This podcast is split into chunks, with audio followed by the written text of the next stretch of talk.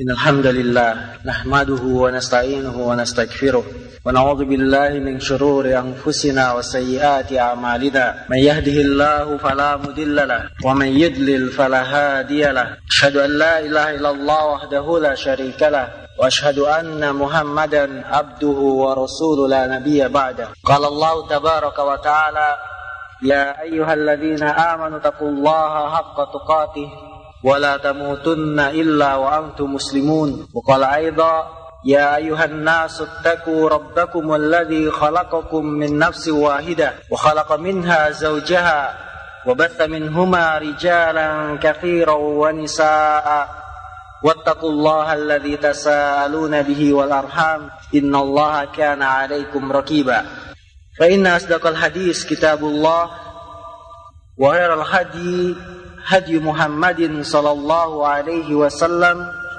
وشر الأمور محدثاتها فإن كل محدثة بدعة وكل بدعة ضلالة وكل ضلالة في النار Ikhwani fillah rahimani wa rahimakumullah Sebelumnya kami sampaikan bahwa Al-Ustaz Abu Ubaidah Yusuf Beliau kurang sehat Kemudian nyuruh Ana untuk menggantikan sementara Untuk hari ini saja Adapun pertemuan-pertemuan besok insya Allah dilanjutkan dengan Ustaz Yusuf Taib Hadis yang akan kita bicarakan pada pertemuan kali ini adalah hadis yang ke-18 Betul? Ada yang baca sebelumnya? Taib بسم الله الرحمن الرحيم الحديث الثامن عشر عن أبي ذر جند بن جنادة أبي عبد الرحمن معاذ بن جبل رضي الله عنهما عن رسول الله صلى الله عليه وسلم قال اتق الله حيثما كنت وأبع السيئة الحسنة تمحها وخالق الناس بخلق حسن. رواه الترمذي وقال حديث حسن وفي بعد النسخ حسن صحيح. الحديث الثامن عشر عن أبي ذر جندب بن جنادة وأبي عبد الرحمن معاذ بن جبل رضي الله تعالى عنهما عن رسول الله صلى الله عليه وسلم قال اتق الله حيثما كنت وأتبع السيئة الحسنة تمهها wa khaliqin nasa bi khuluqin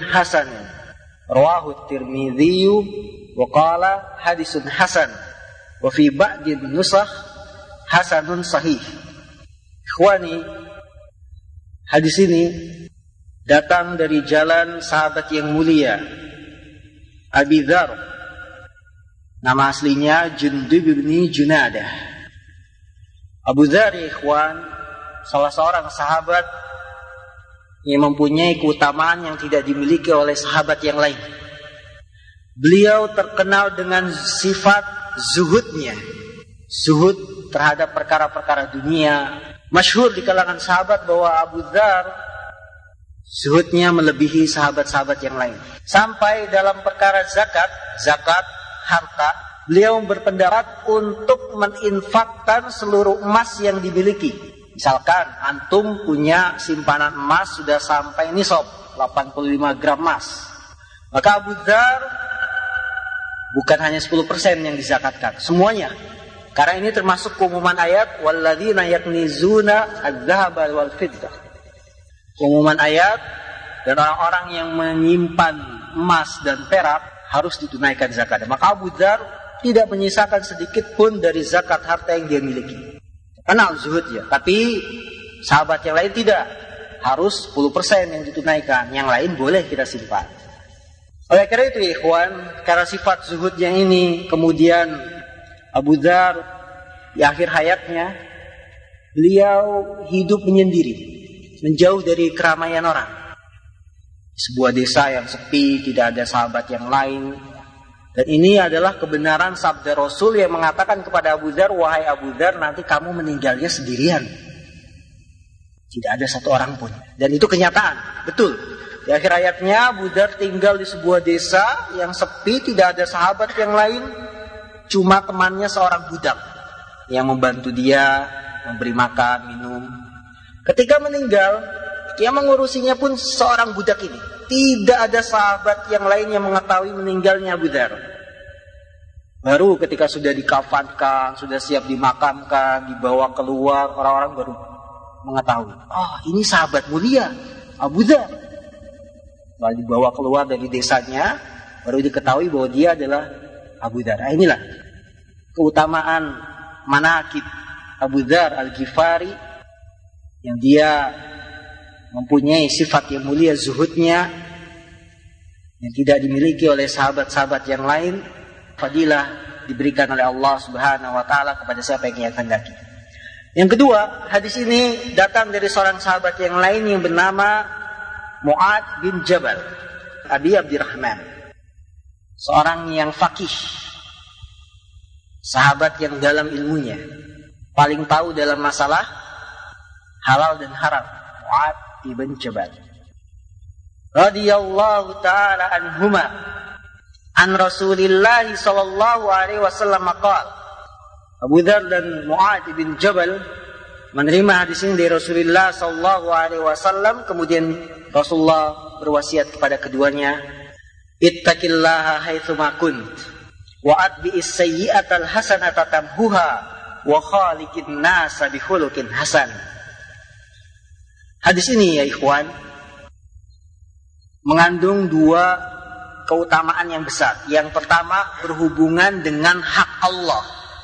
Yaitu dengan sabda Rasulullah SAW, Ittaqillaha haitsu kunt.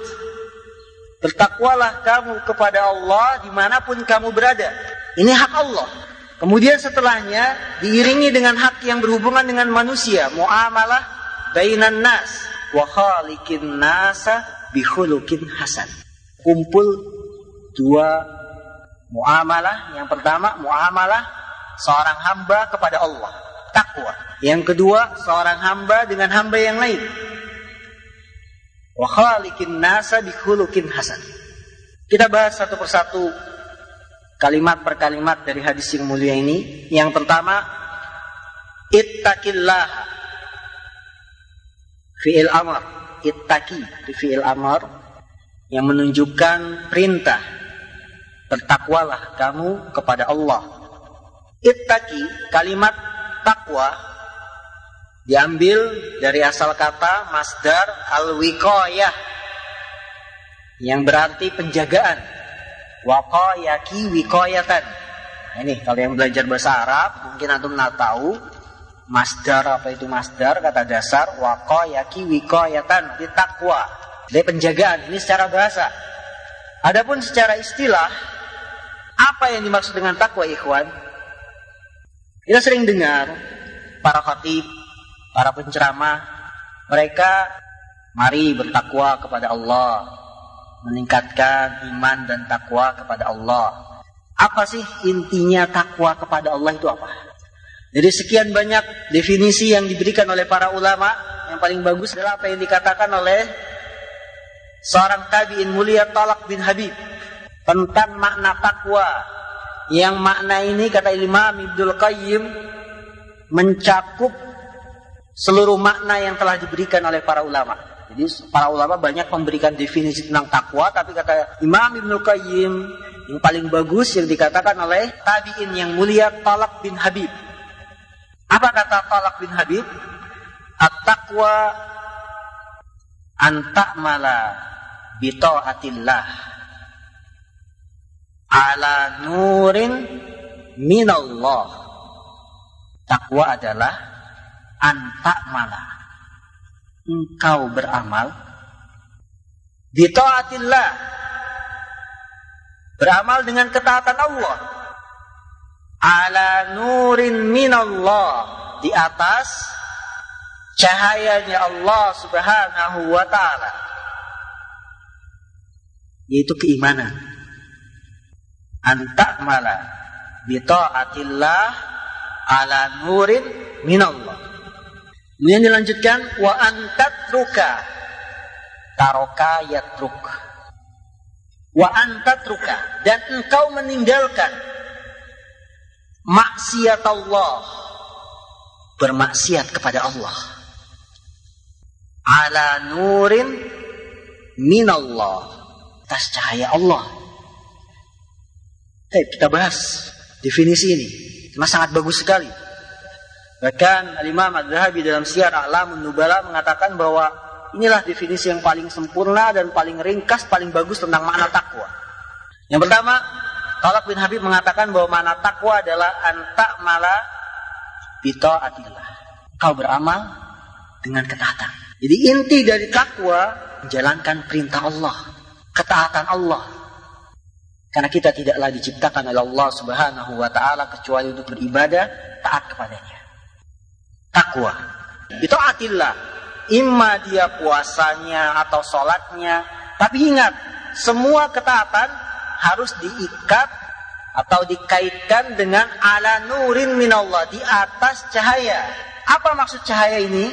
Imam Ibnu Qayyim dalam risalah Tabukiyah menerangkan bahwa maksud dari cahaya adalah al-iman. Keimanan. Jadi landasan seorang beramal iman. Bahwa ini adalah perintah Allah. Dia yakini bahwa yang dia laksanakan adalah perintah Allah. Dan dia pun harus meyakini bahwa yang memerintahkan ketaatan ini adalah Allah.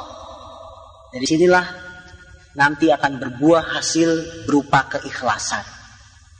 Karena dia yakin yang memerintahkan Allah, kemudian landasan yang dia amali, yang dia kerjakan ini iman, ikhlas, mencari pahala.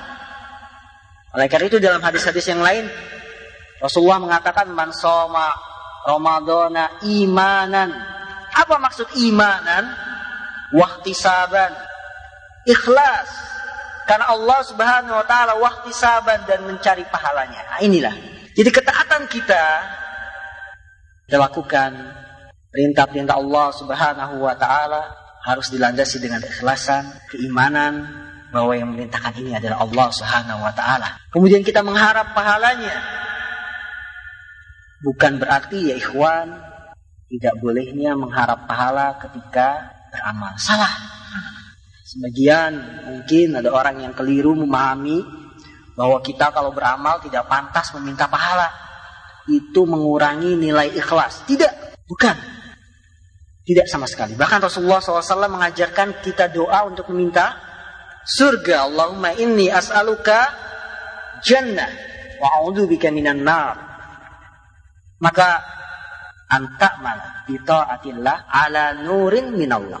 Di atas wahyu Allah, di atas keimanannya. Bisa juga diartikan di atas ilmunya. Dengan mengilmui bahwa perintah yang kita laksanakan dari Allah dan perintah ini harus dilaksanakan sesuai dengan apa yang diperintahkan oleh Allah. Tidak menambah, tidak pula mengurangi. Mencukupkan diri dengan apa yang Allah perintahkan. Kalau menambah, berarti kita menyangka bahwa agama ini tidak sempurna.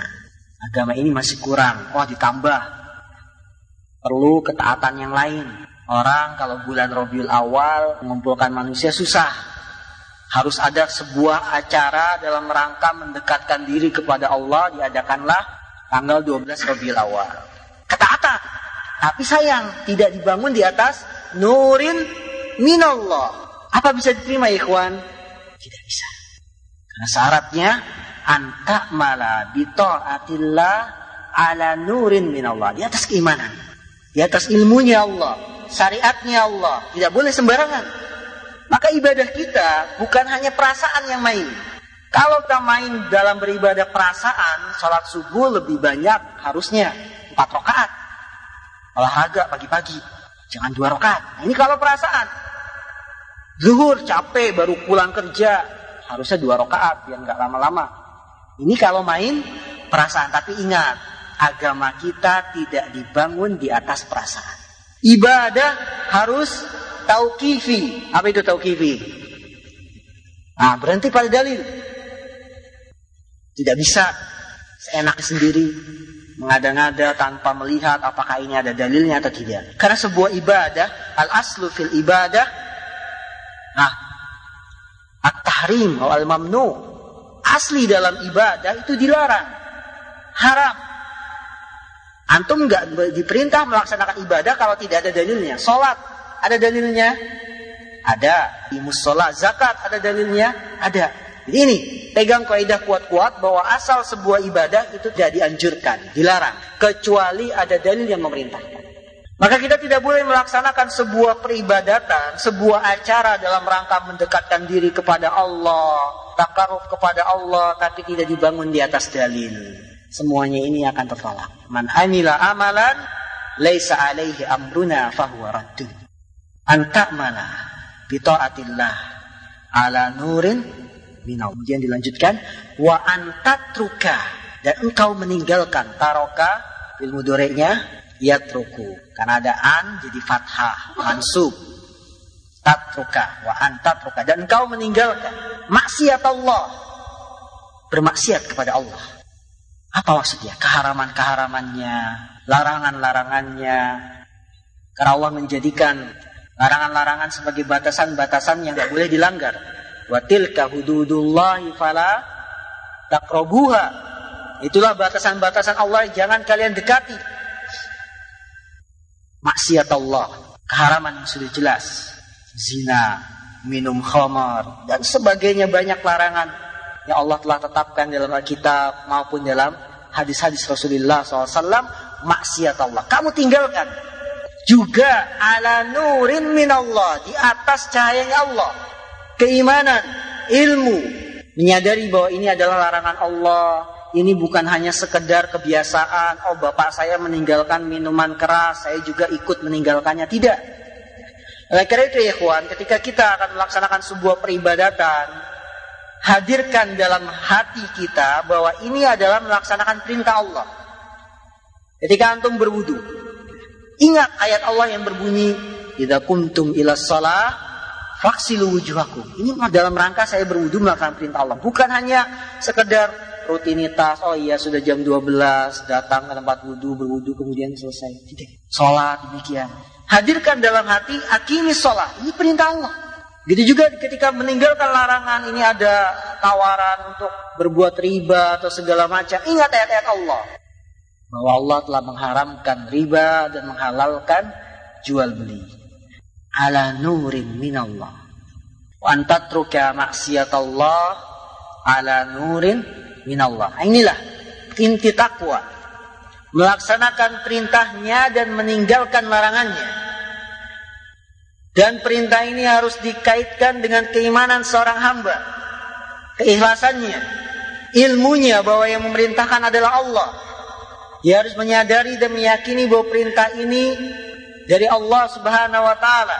Mengharap pahala dari Allah azza wa jalla agar ketaatan itu bisa mengantarkannya sebagai sebab untuk masuk dalam jannahnya. Ittaqillaha haitsu ma kunta. Bertakwalah kalian kepada Allah haitsu ma kunta, di mana pun kamu berada. Takwa ya ikhwan adalah wasiat bagi orang-orang yang terdahulu dan yang sekarang.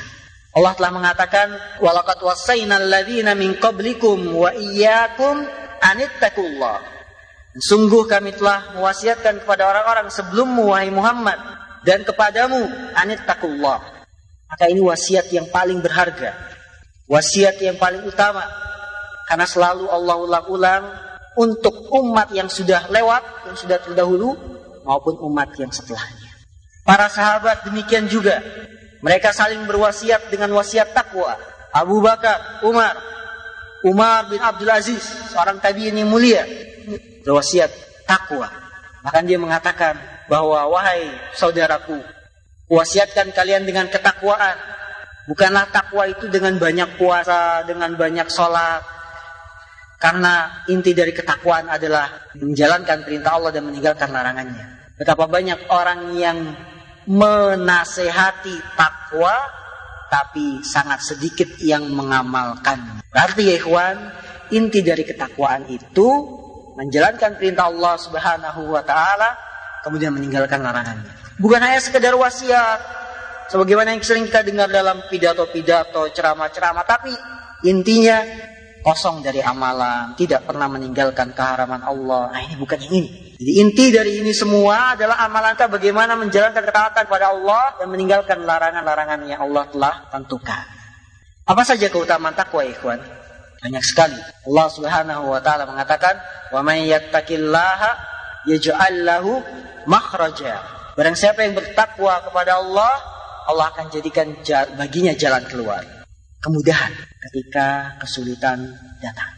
Wa may yattaqillaha yaj'al lahu makhraja wa yarzuqhu min haitsu la yahtasib. Allah akan beri rizki dari arah-arah yang tidak disangka-sangka. Ini di antara beberapa keutamaan takwa. Kalau ya ikhwan, penduduk sebuah negeri mau menjalankan wasiat ini, insya Allah negeri yang kita idam-idamkan itu makmur. Akan dibukakan pintu keberkahan dari langit. Andaikan kita mau benar-benar memahami wasiat takwa. Allah sendiri telah menjanjikan. Dalam Quran Allah mengatakan, gimana?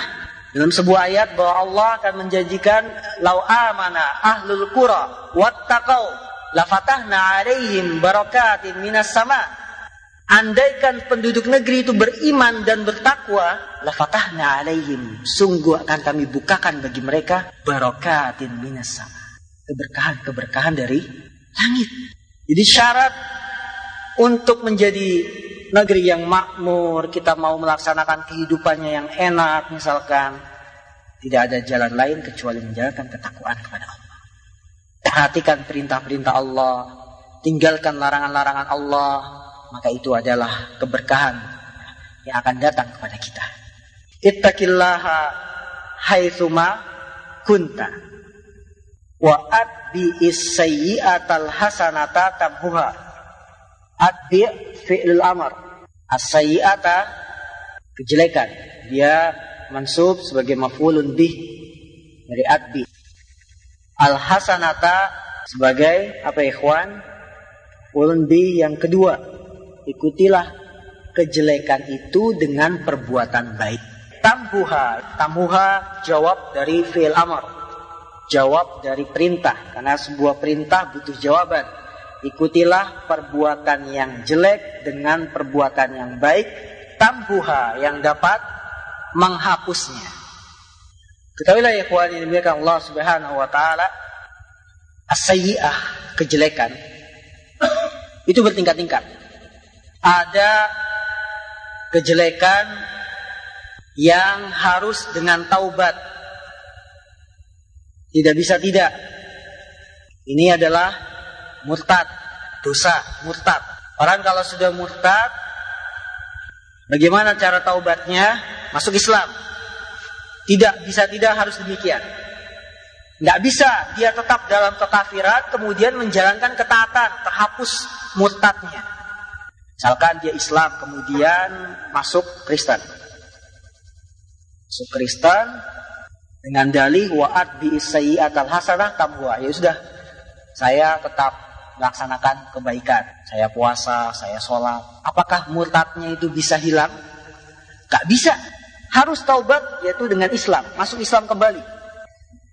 Maksud hadis ini wa'at bi atal hasanata tambuha dan ikutilah perbuatan yang jelek dengan perbuatan yang bagus yang dapat menghapusnya yaitu sayyi'ah yang sagair dosa-dosa kecil dosa-dosa yang kecil Bagaimana dosa besar ya ikhwan? Apakah dosa besar bisa dihapus dengan perbuatan yang baik yang lain?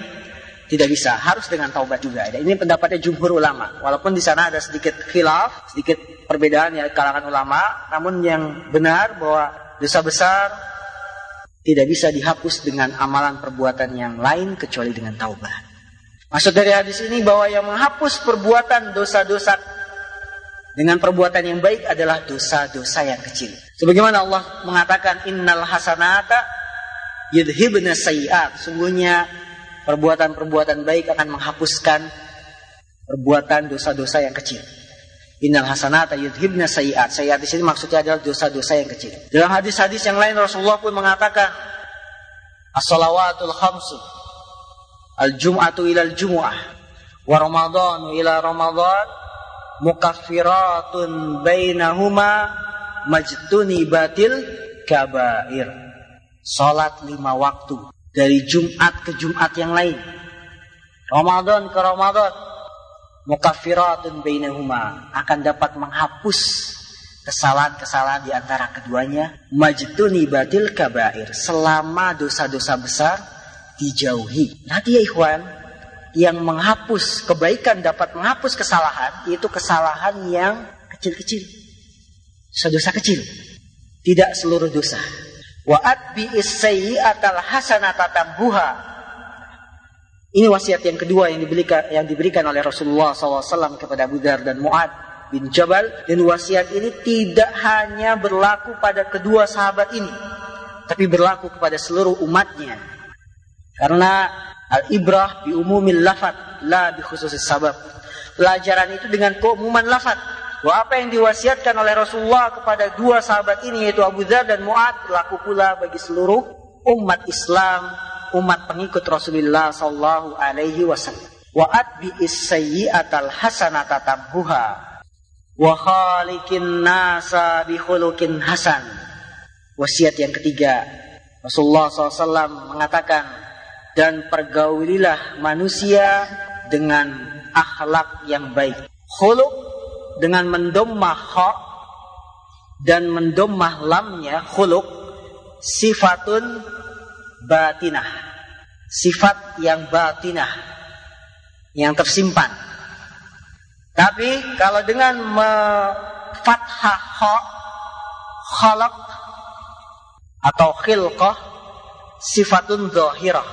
Sifat yang nampak yaitu bentuk badan, tinggi badan itu namanya khalqah atau khilqah. Tapi kalau khuluq sifat batinah, sifat yang tersimpan pada diri seorang. Karena yang namanya akhlak itu tidak terlihat, tidak sebagaimana tinggi besar badan manusia, bagaimana rupa wajah seseorang. Tidak demikian. Akhlak itu tersimpan dalam diri seorang, kemudian akan muncul seketika waktu. Sifat malunya misalkan kalau ada perkara akan baru kelihatan, oh dia punya sifat demikian. Oh dia punya sifat tidak sering banyak bicara. Ini namanya sifat yang tersimpan. Orang kalau melihat dia mungkin nggak tahu dia punya sifat seperti itu. Ini namanya khuluk, akhlak, sifatun batinah, sifat yang tersimpan. Wa khaliqin nasa bi khuluqin hasan dan pergaulilah manusia dengan akhlak yang baik. Wasiat yang ketiga yang diberikan oleh Rasulullah SAW adalah anjuran untuk berakhlak mulia kepada manusia. Apa yang dimaksud dengan akhlak mulia, ikhwan? Imam Ibn Mubarak mengatakan bahwa yang dimaksud dengan husnul khuluq badlun nada wa kafful adha wa talaqatul wajh badlun nada yaitu badlun ma'ruf memberikan kebaikan kepada manusia. Kata Imam Ibn Mubarak bahwa yang maksud dengan husnul khuluq akhlak yang baik adalah yang pertama badlul ma'ruf memberikan perbuatan yang baik kepada orang lain kemudian yang kedua kaful adha mencegah dari gangguan. Gak iseng. Orang motor lewat dikasih paku tengah jalan. Iseng. Kaful ada. Yang ketiga kata Imam Ibn Mubarak talaqatul wajah. Apa talaqatul wajah?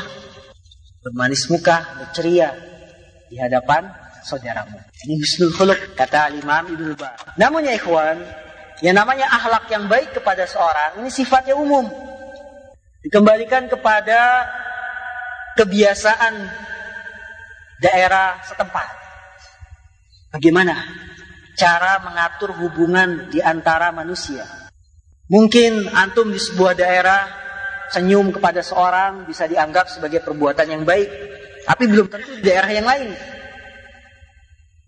Di sini mungkin sama apa orang yang dihormati dicium kepalanya, jidatnya, keningnya, tapi di daerah Indonesia mungkin lain lagi.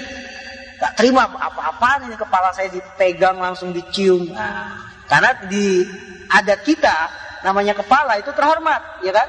Gak sembarangan orang boleh megang kepala langsung ditarik begitu dicium. Kalau di sini kan terhormat. Nah, ini. Maka ini bukan dikembalikan kepada kebiasaan. Yang namanya ihsan, akhlak yang baik kepada seorang dikembalikan kepada daerah setempat masing-masing. Ketahuilah ikhwan, inti dari husnul khuluq tidak lepas dari tiga perkara. Yang pertama, husnul khuluq ma'allah. Berakhlak mulia kepada Allah. Yang kedua, husnul khuluq ma'a Rasulillah sallallahu alaihi wasallam. Kepada Rasulullah SAW. Yang ketiga, husnul khuluq ma'an nas kepada manusia. Sekarang kita bahas satu persatu. Husnul khuluq ma'allah. Berakhlak mulia kepada Allah. Bagaimana maksud husnul khuluq ma'allah? Husnul khuluq ma'allah ya ikhwan. Bagaimana kita berakhlak mulia di hadapan Allah? Kita harus punya adab kepada Allah. Yang pertama, atas diku bima akhbar. Membenarkan apa yang Allah kabarkan di dalam kitabnya. Atas dik bima akhbar Allah bih. Membenarkan dengan apa yang Allah kabarkan dalam kitab-kitab. Karena Allah mengatakan waman asdaku minallahi kila. Dan siapakah yang lebih benar perkataannya dibandingkan Allah Azza wa? Maka kalau ada datang wahyu ayat Al-Quran yang antum baca di dalam Al-Quran, benarkan. Karena tidak ada keraguan sedikit pun dalam kitabullah. Barang siapa yang mengatakan bahwa ayat ini salah, tidak sesuai dengan zaman lagi, maka ragukanlah keislamannya. Jadi husnul huluk, bentuk kita berakhlak mulia kepada Allah yang pertama, benarkan seluruh kabar yang datang dari Allah Azza wa Jalla baik itu di dalam Al-Quran maupun yang disampaikan oleh Rasulnya melalui hadis-hadis Rasulullah SAW. Ini bentuk husnul khuluq kepada Allah. Jangan kita lancang kepada ayat-ayat Allah. Ayatnya nggak sesuai zaman. Ini kan zamannya dulu, zamannya Rasul, masih zamannya kendaraan pakai onta. Kalau sekarang warisan itu wanitanya sudah banyak yang kerja, maka harus sama dibagi. Ayat yang mengatakan bahwa laki-laki mendapat dua bagian dibandingkan wanita nggak sesuai lagi. Ah ini tidak punya akhlak kepada Allah. Tidak boleh. Harus kita benarkan ayat ini sesuai sepanjang masa sampai nanti datangnya hari kiamat. Yang kedua, setelah kita membenarkan berita yang datang dari Allah Azza wa Jalla, yang pertama atas diku bima akhbar Allah bi, kemudian yang kedua al-imtisalu ma amarallahu bihi. Apa intisal? Al-intisal melaksanakan yang Allah perintahkan. Al-intisalu ma bihi. Apa yang Allah perintahkan. Ini bentuk mewujudkan akhlak mulia kepada Allah. Ayat dalam Al-Quran, Aqimus salat wa atuz zakah. Laksanakan dengan senang hati. Jangan ada rasa keberatan. Misalnya sholat. Sholat, duhur, kita capek, pulang dari kebun metik kurma lagi capek-capeknya azan berkumandang sholat lagi sholat lagi. Nah ini tidak ada husnul huluknya kepada Allah. Intisal. Walaupun capek demikian ingat pahala sudah menunggu. Ingat bahwa ini adalah perintah Allah subhanahu wa ta'ala. Kita harus laksanakan dengan kerelaan hati. Tidak sebagaimana perbuatan orang-orang munafik. Wa idza qamu ila salati qamu kusala yuraunan nas. Apabila mereka melaksanakan sholat, qamu kusala. Melaksanakannya dengan malas-malasan. Jangan. Orang mukmin agar berakhlak mulia kepada Allah, laksanakan dengan senang hati.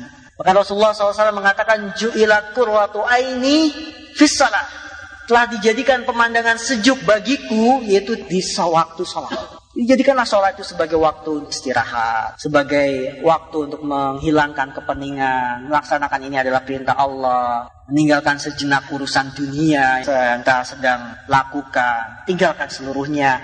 Kita ingat bahwa nanti kita pun akan kembalinya kepada Allah. Nah, ini bentuk husnul khuluk kepada Allah. Telah membenarkan berita yang Allah kabarkan dalam Al-Quran, wahyu-wahyu ayat-ayat Allah dalam Al-Quran, tuntutan selanjutnya al-intisal, melaksanakan perintah Kemudian yang ketiga, bentuk husnul khuluq kepada Allah as-sabru bima aqdarallahu alaihi. As-sabr, bersabar bima aqdarallahu alaihi dengan apa yang Allah telah takdirkan kepadanya. Ini juga bentuk kepada uh, bentuk husnul khuluq kepada Allah Subhanahu wa taala. Karena tidak ada sebuah musibah kecuali Allah telah tentukan. Allah telah tentukan bahwa si fulan hari ini akan begini dan demikian. Maka bentuk kita berakhlak mulia kepada Allah adalah dengan sabar menerima dan meyakini bahwa ini semua adalah ketentuan Allah. Kemudian ikhwan, sikap manusia dalam me menyikapi takdir Allah ini bermacam-macam. Yang patut kita perlu perhatikan, manusia dalam menyikapi takdir Allah ini terbagi menjadi empat golongan. Yang pertama, dia atasahud. Apa tasahud? Tidak terima. Istilahnya benci terhadap musibah yang menimpanya. Ketika ditimpa penyakit, ketika ditimpa rasa kesulitan, hatinya benci. Rasa benci ini bisa dalam hati, bisa diwujudkan dengan lisan, bisa diwujudkan dengan perbuatannya. Ambil misal, dia ditinggal mati oleh anaknya yang sedang dia sayang-sayangi, masih kecil. Mungkin meninggal. Kemudian tidak terima dengan takdir Allah. Akhirnya dalam hatinya ada perasaan bahwa Allah tidak sayang pada dirinya. Gak boleh. Ini namanya bentuk tasahud, benci kepada takdir Allah Azza wa Jalla dalam hati. Atau yang kedua bentuk bencinya dengan diwujudkan dengan lisan. Mengatakan, Ya Allah, kenapa engkau ambil anak saya? Tidak saya saja yang diambil. Nah, bentuk benci tapi diucapkan dengan lisan. Ya Allah, Kenapa musibah terus yang saya terima? Apa salahnya saya? Apa dosa saya? Takdir memang kejam. Nah, dengan lisan. Tidak boleh. Ini bentuk kurang ajar istilahnya. Tidak berakhlak mulia kepada Allah. Karena dalam sebuah hadis Rasulullah mengatakan wal khairu biyadaik wasyarru laisa ilaik. Dan kebaikan itu ada di tanganmu ya Allah. Wasyar dan kejelekan laisa ilaik tidak disandarkan kepadamu. Gak boleh kita menyandarkan kejelekan musibah kepada Allah. Ya Allah, kenapa begini-begini? Kenapa engkau timpakan aku penyakit? Nah, ini kan namanya menyandarkan kejelekan kepada Allah. Yakini bahwa ini semuanya sudah takdir Allah. Jangan kita mengatakan, ya Allah engkau kejam. Ah, gak bisa. Ini namanya kejelekan disandarkan kepada Allah. Kurang berakhlak. Atau bisa bentuk benci kepada takdir Allah dengan perbuatan. Apa misalnya? Sering kita lihat kalau misalkan ibu-ibu ya, para wanita misalkan ayahnya meninggal, suaminya meninggal, merobek-robek baju, rambutnya diacak-acak atau digundul, ya kan? Ini semuanya bentuk tidak terima terhadap takdir, nggak boleh. Bahkan Rasulullah mengatakan laisa minna man yadribul hudud. Apa itu hudud? Pipi. Wasyaqqal juyub. Merobek-robek juyub, kantong aslinya ya baju lah. Bukan termasuk golongan kami orang-orang yang memukul-mukul pipi kan sering. Antum lihat sinetron-sinetron itu. Nah, sufi ya, buka TV juga ini. Nah, itu. Antum lihat bagaimana sikapnya. Kalau tertimpa musibah, pukul pipi, ya Allah, teriak-teriak, teriak. Ini semuanya adat jahiliyah. Bentuk kasahut. Jadi manusia dalam menyikapi takdir Allah terbagi empat golongan. Yang pertama tasahut ini. Ya tasahud dibagi lagi tadi dengan lisa, dengan hati, lisan dan perbuatan. Nah, ini semuanya bentuk tidak berakhlak kepada Allah SWT. Yang kedua, golongan kedua yang menyikapi takdir Allah apa ikhwan? Bersabar. Sabar menerima ketentuan Allah. Golongan manusia dalam menyikapi takdir Allah, musibah, dia bersabar. Apa yang Allah tetapkan, ya ini sudah ketentuannya Allah sabar, cari pahala. Itu bagus. Rasulullah SAW mengatakan, ajaban li amril mu'min. Inna amrahu kullau khair. Sangat mengherankan sekali perkaranya orang mukmin itu. Seluruh perkaranya itu baik. In asobat husara syakara. Fakana khairan lahu. Apabila menimpanya kebaikan, syakar. Dia bersyukur. Fakana khairan lahu. Itu adalah baik. Jadi kalau kita dapat kesenangan, awal bulan dapat gaji, syukur. Ingat, ya yang ngasih gaji mudir memang, tapi sebagai sebab aja, tapi yang intinya kan Allah. Syukur, fakana khairan lahu, maka itu baik bagi kita. Wa in asobat hudara, kalau ditimpa musibah, sobara, dia bersabar, fakana khairan lahu, itu juga baik baginya. Jadi kalau ditimpa kesenangan, bersyukur, timpa musibah, sabar. Enak kan kaum muslimin itu? Nggak pusing-pusing. Digaji tiga bulan pusing. Sabar wa fakana khairan lahu. Nah, ini. Jadi kalau kita sedang senang, bersyukur, kalau dapat ya, cobaan sedikitlah, bersabar. Dan itu baik. Ini tingkatan kedua dari golongan manusia menyikapi musibah yang menimpanya. Yang pertama dia benci, tasakut. Yang kedua sabar. Yang ketiga ridho. Ada golongan manusia ketika ditimpa manusia, ditimpa musibah dia malah ridho. nerima. Memang ini adalah keyakinannya. Apa? Ini adalah ketentuan Allah wa Dia tidak bisa tolak. Dia sudah terima. Gitu. Yang keempat, ditimpa musibah, syukur. Bagaimana ikhwan? Ditimpa musibah, penyakit malah bersyukur. Karena dia mengingat musibah yang dia alami di dunia ini tidaklah seberapa sebanding dengan musibah yang akan dia terima nanti di hari akhirat. Maka bersyukur. Oh iya, saya sakit cuma seperti ini. Ini belum ada seberapa.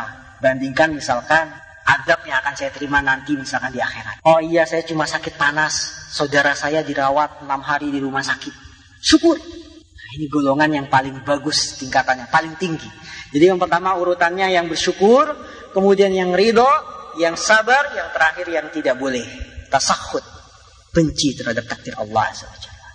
Inilah bentuk berakhlak mulia kepada Allah SWT.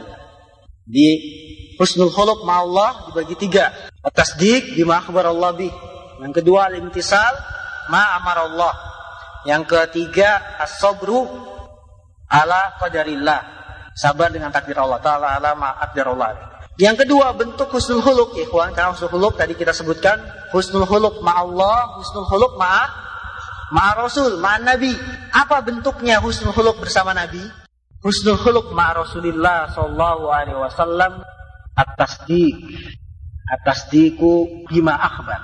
Membenarkan apa yang dikabarkan oleh Rasulullah SAW dalam hadis-hadisnya. Kalau Rasulullah SAW mengabarkan dalam hadisnya apabila ada lalat yang jatuh dalam minuman kalian maka celupkanlah kemudian buang lalat itu. Karena di salah satu sayapnya terdapat penyakit dan ada obatnya pula. Benarkan jangan ditentang sabda Nabi dengan akal pikiran kita. Mengatakan oh lalat kan hidupnya di tempat yang kotor di tempat sampah bagaimana mungkin kalau masuk minuman disuruh celupin ini nggak masuk akal. Nah tidak berakhlak mulia dengan hadis Rasulullah kita harus punya akhlak, punya adab kepada Rasul bagaimana? Membenarkan. Tasdiku ma akhbarallahu bih. Kemudian wamtisalu ma amara bihi. Menjalankan apa yang Rasul perintahkan dalam hadis-hadisnya. Kemudian menjauhkan larangannya. Ini pun bentuk husnul khuluq kepada Rasulullah sallallahu alaihi wasallam. At-tasdiqu fi ma akhbar wa jitinabu ma naha anhu wa zajar. Jadi melaksanakan perintah yang diperintahkan oleh Rasul, meninggalkan larangan-larangan yang dilarang oleh Rasulullah SAW dalam hadisnya, ini semua bentuk husnul kepada Rasulullah SAW. Kemudian yang ketiga bentuk husnul kepada Rasulullah SAW wa alla yu'bada illa bimasyara dan tidak beribadah kecuali dengan apa yang telah disyariatkan oleh Rasulullah Shallallahu Alaihi Wasallam. Boleh kita beribadah dengan cara kita sendiri, tapi harus mutabaah, mencontoh Rasulullah Shallallahu Alaihi Wasallam. Karena ini syarat diterimanya sebuah amalan. Man amila amalan laisa alaihi amruna fahuwa qad. Siapa yang beramal dengan sebuah amalan yang tidak ada perintahnya, yang tidak ada perkaranya dari kami, maka amalan itu tolak. Ketahuilah ikhwan, sebuah amalan dia tidak akan bisa kita terima tidak akan bisa diterima oleh Allah Azza kecuali dengan mutabaah mencontoh Rasulullah Sallallahu Alaihi Wasallam. Dan ini tidak bisa terwujud kecuali dengan enam perkara. Yang pertama, ayyakuna muwafiqan fi sababih. Harus sesuai dengan sebabnya. Kalau ada yang beribadah tidak sesuai sebabnya, maka amalan itu tertolak. Antum masuk masjid, kemudian sholat dua rakaat. Namanya sholat apa? Tayatul masjid. Apa sebabnya dia sholat dua rakaat? Karena masuk masjid diterima. Tapi kalau ada yang beribadah misalkan masuk rumah, setiap masuk rumah sholat dua rakaat, apakah sebab ini diterima? Ibadah ini diterima? Tidak bisa, karena tidak sesuai. Allah dan Rasul tidak pernah menjadikan setiap kali masuk rumah harus sholat dua rakaat. Ini menjadikan sebab yang Allah dan Rasul tidak menjadikannya sebagai sebab. Maka ibadahnya tertolak. Perhatikan dengan baik-baik. Kalau ada yang menjadikan sebuah sebab yang tidak dijadikan oleh Allah dan Rasul sebagai sebab, kemudian dia kau melakukannya, maka tertolak. Tiap masuk rumah, dia harus sholat dua rakaat. Meyakini bahwa ini, kalau saya masuk rumah harus sebab saya masuk rumah harus sholat dua rakaat. Nah ini nggak bisa. Karena nggak pernah ada anjuran dari Allah dan Rasul kalau kamu masuk rumah sholatlah dua rakaat tidak pernah ada. Yang kedua harus sesuai dari segi apanya ikhwan? Kaifiahnya. Tata caranya. Sholat zuhur berapa rakaat? Empat rakaat. Kalau dia melaksanakan lima rakaat, diterima sholatnya? Tidak. Harus sesuai. Ini kedua. Sesuai dari segi kaifiah, tata cara. Kalau ada yang sholat, kemudian selesai baca Al-Fatihah, baca surat, langsung sujud, tidak ruku. Terima sholatnya? Tidak. Karena kaifiah, tata caranya, Al-Fatihah, baca surat, ya setelah kita, kemudian baca Al-Fatihah, baca surat, ruku, baru sujud. Nah ini sujud dulu baru ruku. Diterima? Tidak. Yang ketiga harus sesuai dari segi jenisnya. Ayu ayyakuna muwafiqan fi jinsi. Contohnya apa? Ibadah kurban. Kurban itu dengan apa ya, kawan? Kambing, sapi, onta, kerbau. Itu jenis. Kalau ada yang beribadah kurban dengan ayam, diterima? Tidak bisa diterima. Tidak sesuai dari segi jenisnya. Berapa itu? Pertama sebabnya. Yang kedua, nah, kefiahnya. Yang ketiga jenisnya. Berarti tiga ya? Nah, yang keempat, waktunya. Ada yang sholat sebelum masuk waktu waktunya, diterima ibadahnya. Tidak. Antum sholat zuhur belum zawal, diterima sholat zuhurnya? Tidak. Harus sesuai waktunya. Gak boleh. Yang kelima, sesuai tempatnya. Di ibadah, kalau Allah mengatakan tempatnya di sini, harus di sini. Jangan di yang lain. Contohnya apa? Iktikaf. Di mana tempatnya? masjid. Ada yang itikaf di halaman sekolah. Diterima? Tidak bisa. Tidak sesuai dari segi tempatnya. Yang terakhir yang keenam, ayyakuna muwafiqan fi qadarihi. Sesuai dari segi kadarnya, ukurannya. Nah, ini. Segi ukurannya. Apa contohnya, ikhwan? Ada yang bisa ngasih contoh? Segi ukuran. Gak boleh lebih, gak boleh kurang. Berwudu paling banyak berapa kali? tiga kali. Ada yang berwudu empat kali. Yang keempat diterima atau tidak? Tidak diterima. Yang ketiga, yang tiga kali diterima, yang nambah empat kali tidak diterima. Yang keempatnya saja, tiganya diterima. Nah. Jadi sebuah ibadah kita tidak akan sempurna kecuali dengan ikhlas dan mutabaah mencontoh Rasul. Mutabaah kepada Rasul tidak akan sempurna kecuali dengan enam perkara yang tadi saya sudah sebutkan. Pahami kaidah emas ini dengan baik-baik, insya Allah bermanfaat bagi antum semua. Kemudian yang terakhir, ikhwan, bentuk husnul khuluk. Yang pertama husnul khuluk ma'allah, yang kedua husnul khuluk husnul khuluk ma'a rasul, yang ketiga husnul khuluk ma'an nas. Berakhlak mulia kepada manusia bersama manusia. Nah ini. Di antaranya yang tahu tadi kita memberikan kebaikan, badlul ma'ruf. Yang kedua dengan kaful ada, tidak mengganggu, mencegah dari gangguan. Yang keempat, talaqatul wajah. Atau secara umum bahwa namanya perbuatan ihsan, perbuatan husnul khuluq kepada manusia ini kembalikan kepada kebiasaan masing-masing. Antum bagaimana berhusnul khuluq, akhlak mulia kepada orang tua, dicium tangannya kalau kita mungkin pada sebagian daerah ya kan untuk uh, bakti kepada orang tua dicium tangannya atau bagaimana. Nah, ini husnul khuluq. Kalau di sebuah tempat untuk husnul khuluq dengan ngirim uang kepada orang tua, ya kirim uang orang tua, husnul khuluq menyenangkan. Nah, ini namanya bentuk ihsan kepada kedua orang tua.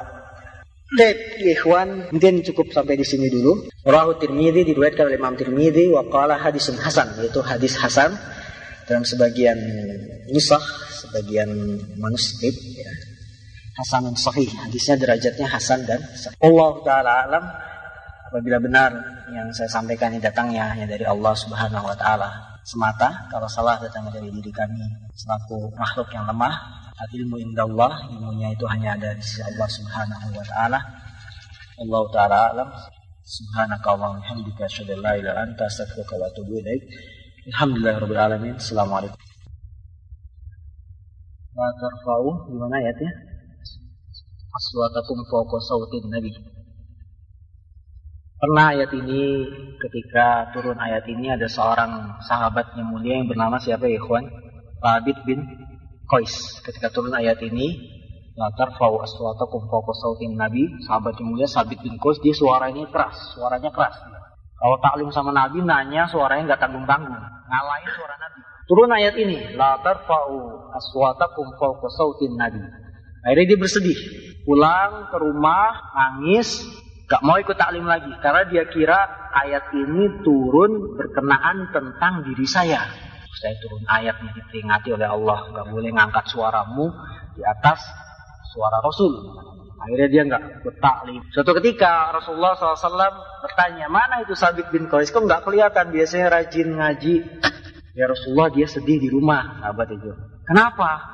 Kemarin turun ayat tentang la tarfa'u aswatakum fawqa sautin nabi. Nah, akhirnya berikan kabar gembira kepada dia bahwa dia termasuk salah satu penghuni surga, ya kan? Nah, memang betul, akhirnya dia mati syahid. Nah dari sini ya ikhwan dapat kita pahami bahwa maksud dari la tarfa'u aswatakum fawqa sautin nabi yang pertama Zuhirnya kalau memang Nabi ada di hadapan kita memang para sahabat tidak mengangkat suara mereka melebihi suara Rasulullah Shallallahu Alaihi Wasallam.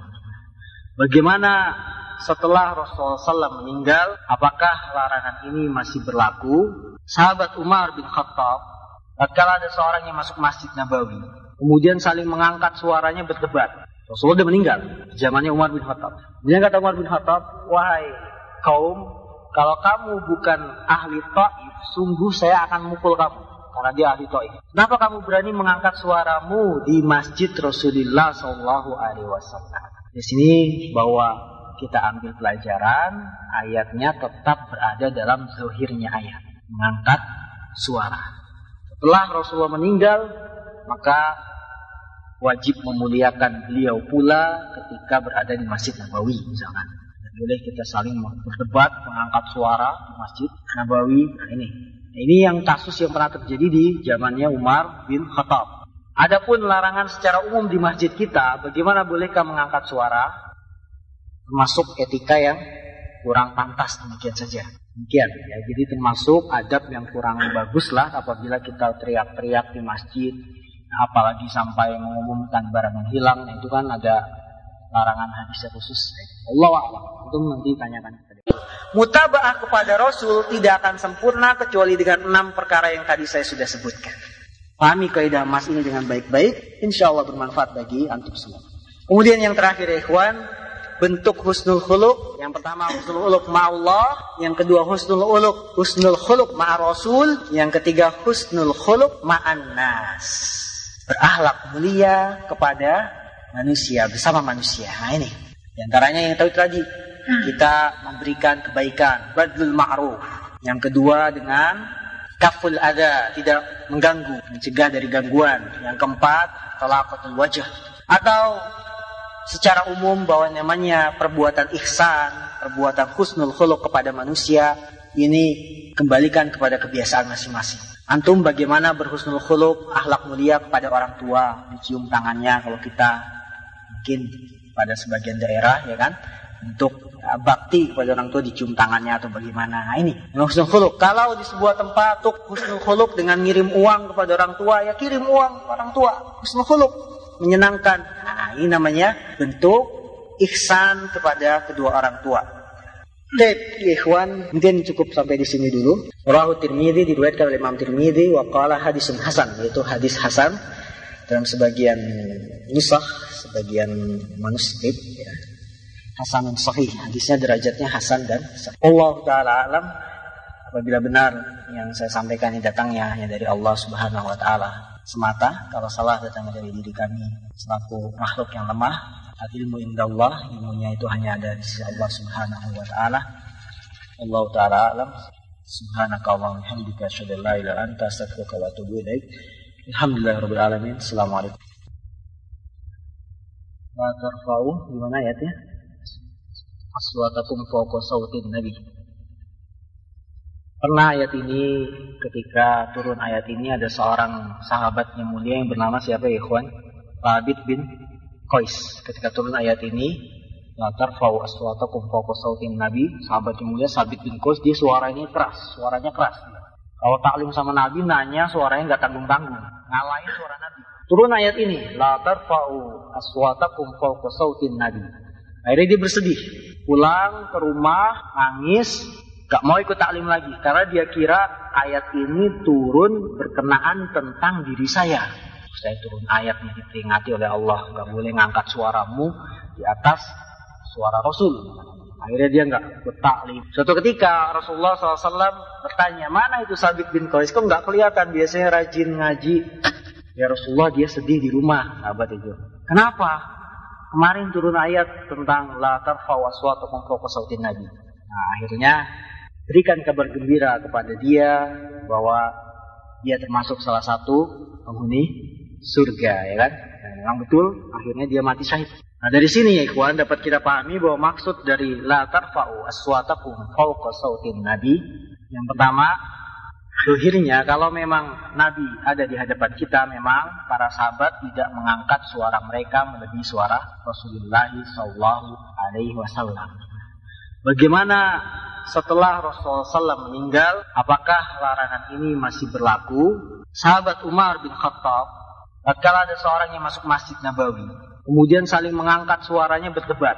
Rasulullah sudah meninggal, zamannya Umar bin Khattab. Dia kata Umar bin Khattab, wahai kaum kalau kamu bukan ahli ta'if, sungguh saya akan mukul kamu.